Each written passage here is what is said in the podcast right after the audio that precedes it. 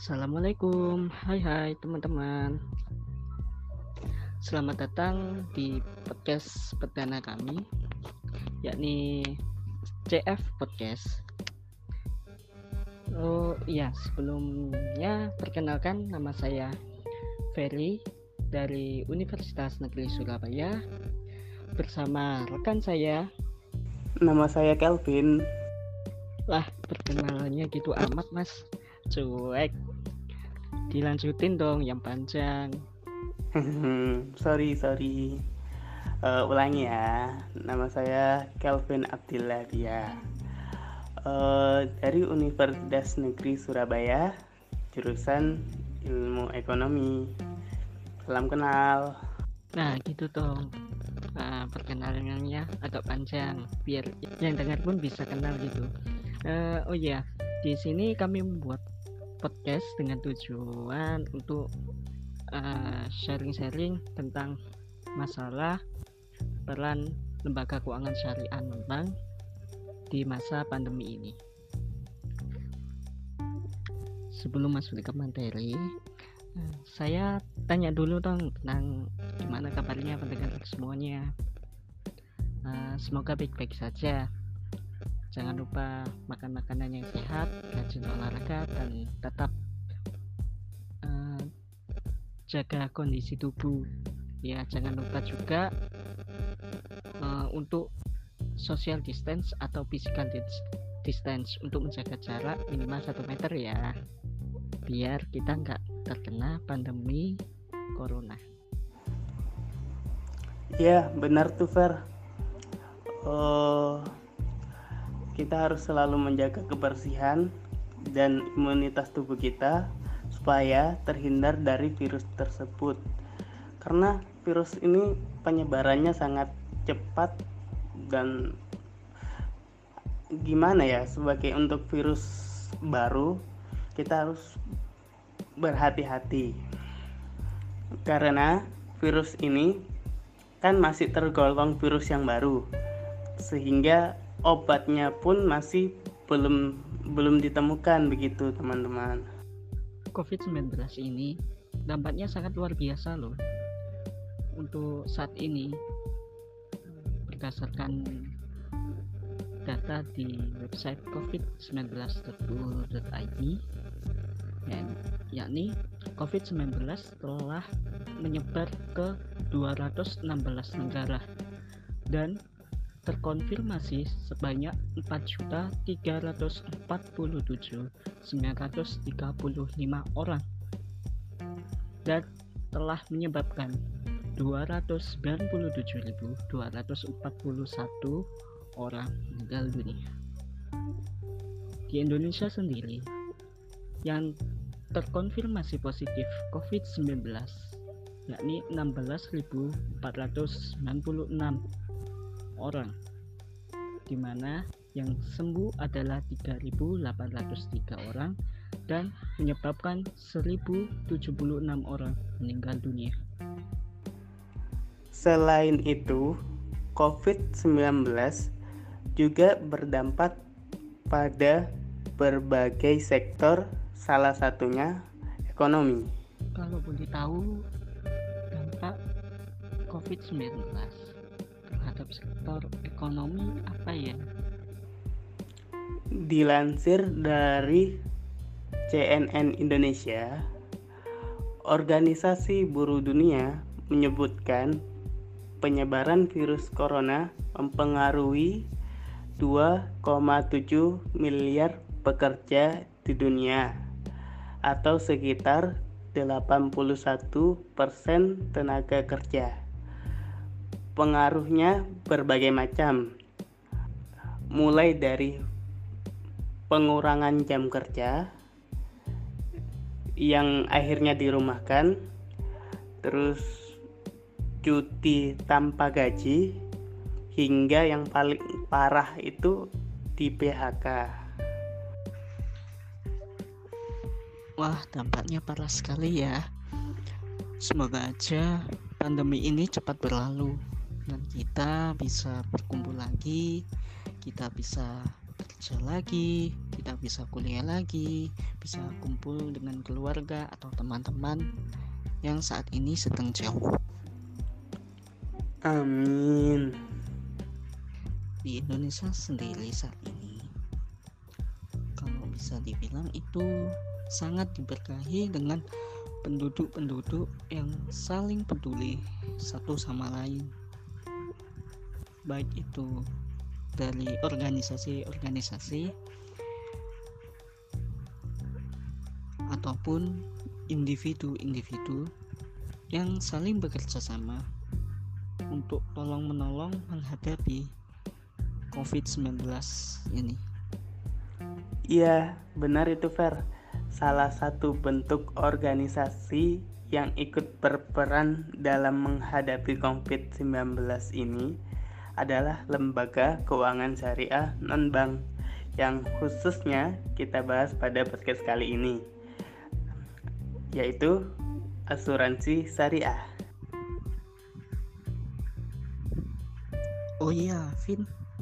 Sebelum masuk ke dalam perannya, boleh tahu nggak apa sih lembaga keuangan syariah non-bank itu?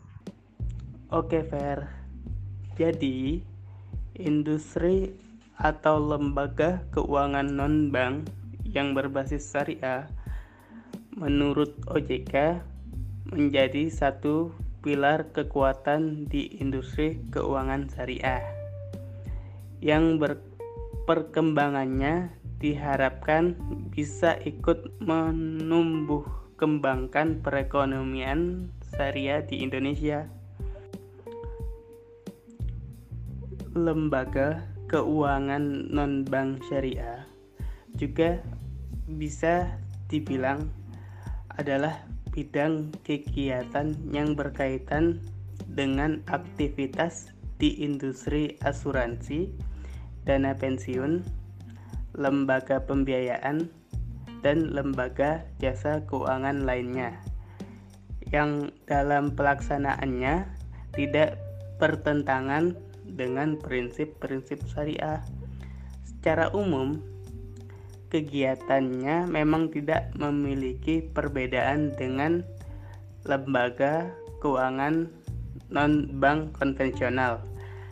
Namun, terdapat beberapa karakteristik khusus dengan produk dan mekanisme transaksi yang berdasarkan prinsip syariah.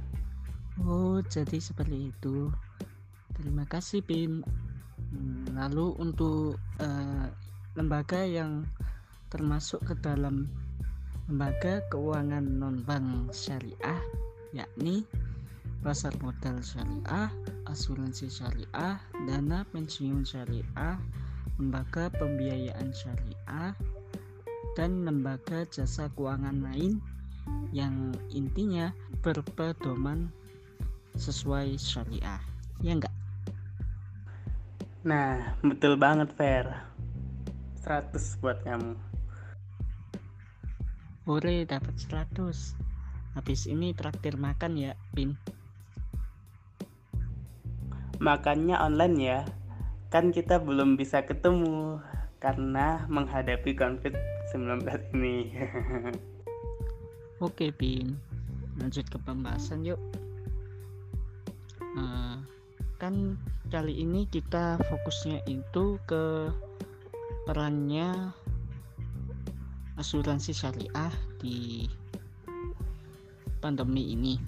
Nah, asuransi syariah itu sendiri eh, berdasarkan buku Bank dan Lembaga Keuangan Syariah edisi kedua yang ditulis oleh Andre Sumitra menyebutkan bahwa secara terminologi asuransi syariah adalah tentang tolong menolong dan secara umum asuransi adalah sebagai salah satu cara untuk mengatasi terjadinya musibah dalam kehidupan di mana manusia senantiasa dihadapkan pada kemungkinan bencana yang dapat menyebabkan hilangnya atau berkurangnya nilai ekonomi seseorang baik terhadap diri sendiri, keluarga, ataupun perusahaan yang diakibatkan oleh meninggal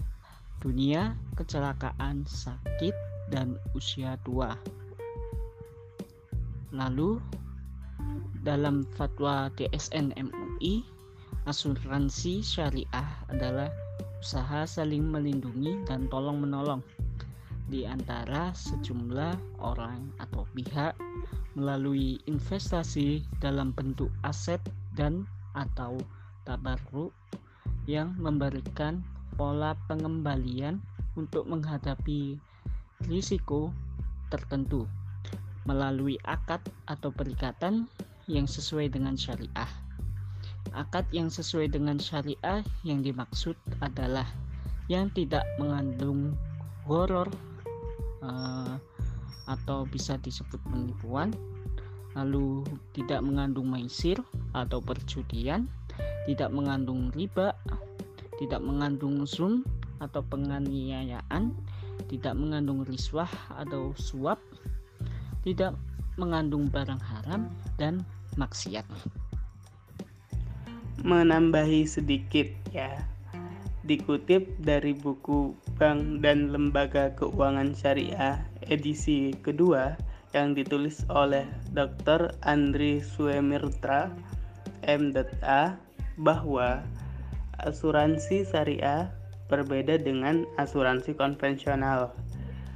Pada asuransi syariah, setiap peserta sejak awal bermaksud saling menolong dan melindungi satu dengan yang lainnya dengan menyisihkan dananya sebagai iuran kebajikan yang disebut tabarru.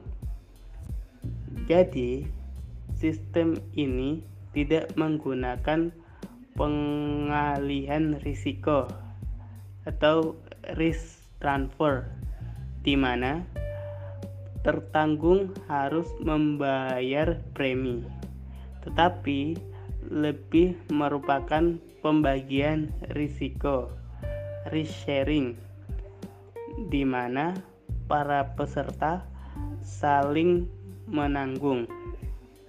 Kemudian, akad yang digunakan dalam asuransi syariah harus selaras dengan hukum Islam Artinya, akad yang dilakukan harus terhindar dari goror, penipuan, maisir atau penjudian, riba atau penganiayaan, dan riswah atau suap. Di samping itu, investasi dana harus pada objek yang halal toyibah, bukan barang haram dan maksiat. Yups, benar Vin. Selanjutnya untuk mengenal lebih lanjut yakni ruang lingkup usaha asuransi syariah yang bersumber dari peraturan otoritas jasa keuangan nomor 69 PUJK 05 tahun 2016 tentang penyelenggaraan usaha perusahaan asuransi, perusahaan asuransi syariah, perusahaan reasuransi, dan perusahaan reasuransi syariah. Yang terdiri atas satu perusahaan asuransi umum syariah dan unit syariah pada perusahaan asuransi umum hanya dapat menyelenggarakan. A. Usaha asuransi umum syariah. Termasuk lini usaha asuransi kesehatan berdasarkan prinsip syariah dan lini usaha asuransi kecelakaan diri berdasarkan prinsip syariah. Dan B. Usaha reasuransi syariah untuk risiko perusahaan asuransi umum syariah dan atau unit syariah pada perusahaan asuransi umum lain. Selain itu, dapat melakukan perluasan ruang lingkup usaha, yaitu pada kegiatan usaha PAID. Produk asuransi, yakni produk asuransi yang paling sedikit memberikan perlindungan terhadap risiko kematian dan memberikan manfaat yang mengacu pada hasil investasi dari kumpulan dana yang khusus dibentuk untuk produk asuransi baik yang dinyatakan dalam bentuk unit maupun bukan unit. Yang kedua, kegiatan usaha berbasis imbalan jasa atau fee base dan yang terakhir kegiatan usaha lain berdasarkan penugasan dari pemerintah. Selanjutnya, ruang lingkup usaha asuransi syariah yakni yang kedua perusahaan asuransi jiwa syariah dan unit syariah. Pada perusahaan asuransi jiwa hanya dapat menyelenggarakan usaha asuransi jiwa syariah termasuk ini usaha anuitas berdasarkan prinsip syariah tentunya. Ini usaha eh, lini usaha asuransi kesehatan berdasarkan prinsip syariah dan ini usaha asuransi kecelakaan diri berdasarkan prinsip syariah. Dan hanya dapat melakukan perluasan ruang lingkup usaha pada kegiatan usaha berbasis imbalan jasa atau fee base Nah, kegiatan usaha berbasis imbalan jasa FIBIS hanya dapat dilakukan pada yang pertama Administrative Service Only atau ASO dalam rangka employee benefit dan pemasaran produk dari lembaga jasa keuangan yang telah mendapat izin dari OJK dan bukan merupakan produk asuransi atau reasuransi. Nah, dan yang ketiga, dikecualikan bagi perusahaan asuransi atau perusahaan reasuransi yang melakukan pemasaran produk asuransi syariah dari produk perusahaan asuransi syariah hasil spin-off paling lama 2 tahun sejak dilakukannya spin-off. Lalu yang terakhir dari ruang lingkup usaha asuransi syariah yakni perusahaan reasuransi syariah dan unit syariah. Pada perusahaan reasuransi syariah hanya dapat menyelenggarakan usaha reasuransi syariah saja. Nah, setelah penjelasan panjang lebar tadi tentang lembaga keuangan non-bank syariah dan asuransi syariah. Berikutnya, mari kita bahas mengenai peran dari lembaga keuangan non-bank syariah khususnya asuransi syariah di masa pandemi Covid ini yang akan dijelaskan oleh rekan saya Kelvin. Wah, kirain masih mau lanjut. Oke, baiklah. Uh, jadi peran asuransi syariah saat ini di kondisi uh, pandemik ini yaitu memastikan bahwa nasabah uh, ak nasabah akan tetap mendapatkan proteksi mulai dari perawatan inap dan biaya tes COVID-19 selama nasabah diharapkan untuk menjalani rawat inap. Hingga perlindungan jika nasabah mengalami komplikasi penyakit kritis yang diakibatkan virus COVID-19. Oh, jadi seperti itu. Tambahin dikit ya. Selain yang disebutkan Kevin tadi, banyak asuransi syariah yang uh, bekerja sama dengan pihak-pihak lain contohnya itu sendiri Adira Insurance Syariah yang gandeng rumah zakat untuk bagikan donasi yang terdampak COVID-19. Selain itu, juga di masa pandemi COVID-19 ini, eh, Adira Finance Syariah turut menyalurkan bantuan sebesar 250 juta rupiah untuk pembelian APD yang disalurkan oleh 34 kantor cabang unit syariah yang tersebar di seluruh Indonesia kepada rumah sakit rujukan COVID-19. Selain itu juga eh, memberikan paket kesehatan berupa vitamin, masker mulut, face shield, dan hand sanitizer kepada karyawan di lebih dari 190 kantor cabang di Indonesia.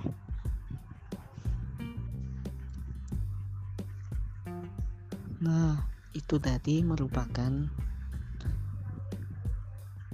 peran dari asuransi syariah di masa COVID-19 ini. Kesimpulan yang dapat diambil yakni di masa pandemik rasanya cukup sulit ini menurut kami sebaiknya disikapi dengan rasa tolong menolong dan kita sebaiknya bekerja sama dalam menghadapi dampak dari COVID-19 ini.